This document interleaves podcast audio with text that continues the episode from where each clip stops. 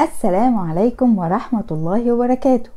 النهاردة إن شاء الله هنكمل حلقة 25 حاجة بتزود ذكاء الطفل.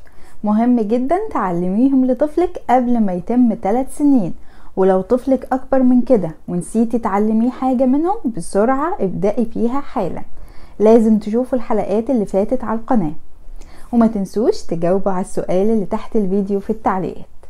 تعالوا نشوف هنعلم الطفل النهاردة إيه.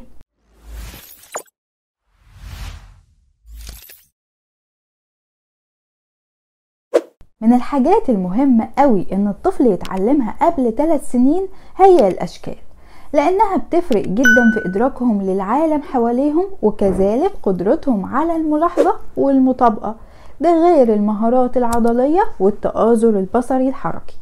وبيقدر الطفل يستوعب فكرة الأشكال والمطابقة من عمر السنة ويفضل نعتمد على الألعاب المناسبة للمهارة دي. وهتلاقوا منها أنواع كتير جدا تقدروا تختاروا أكتر نوع أمان لعمر الطفل. هتلاقوا كتب الأنشطة اللي بتكون مصنوعة من الجخ وهتلاقوا الألعاب الخشب والأسفنج وكذلك البلاستيك. طبعا محتاجين نكرر المعلومة كتير جدا للطفل في العمر ده ونساعده لحد ما يستوعبها بس مجرد ما بيفهم الفكرة بيستمتع بيها جدا وبيحس بسعادة رهيبة لما يعملها صح. برضو محتاجين نعلم الطفل مهارة الاستكشاف. الحقيقة هو إحنا مش هنعلمها له قوي لأنه مولود بيها بس عايزين ننميها جدا ونطورها. يعني نعلمه يستكشف إزاي بدون ما يعرض نفسه للخطر. وطبعا هعلمه بطريقة غير مباشرة مهارة حل المشكلات. يعني هعلمه إزاي يستكشف المكتبة بدون ما يتسلقها بأنه مثلا يطلب مساعدتي أو يتسلق كرسي صغير.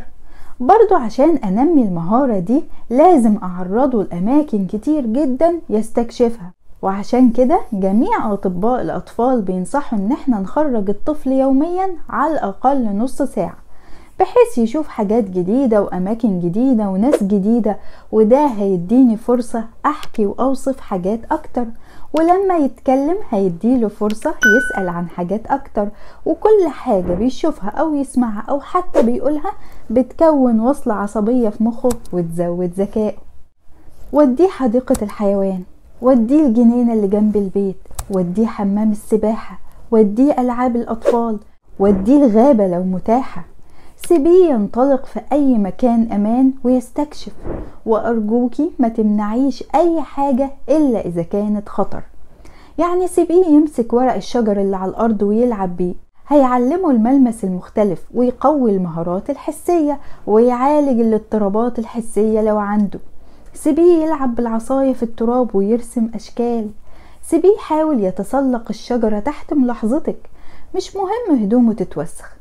لأن الحاجات دي تمنها أرخص كتير من الكنوز اللي هيتعلمها ويكتسبها. ما تتخيلوش الطبيعة فيها كم معلومات رهيب قد إيه. ممكن الطفل يتعلمه بالملاحظة وبالتجربة بكلامي ووصفي له. فأرجوكي ما تحرمهوش من الكنز ده لأن مش هيكلفك غير شوية وقت ومجهود.